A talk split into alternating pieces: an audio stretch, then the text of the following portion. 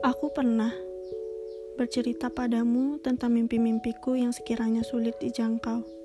Aku pernah membagikan segala suka serta duka kepadamu yang kukira sudi mendengarkan segala keluh kesah. Aku pernah. Aku pernah sebegitu tergantungnya menceritakan apa pun kepadamu. Tapi kemudian kamu menghilang hingga aku lupa beberapa mimpiku ada sebab kamu.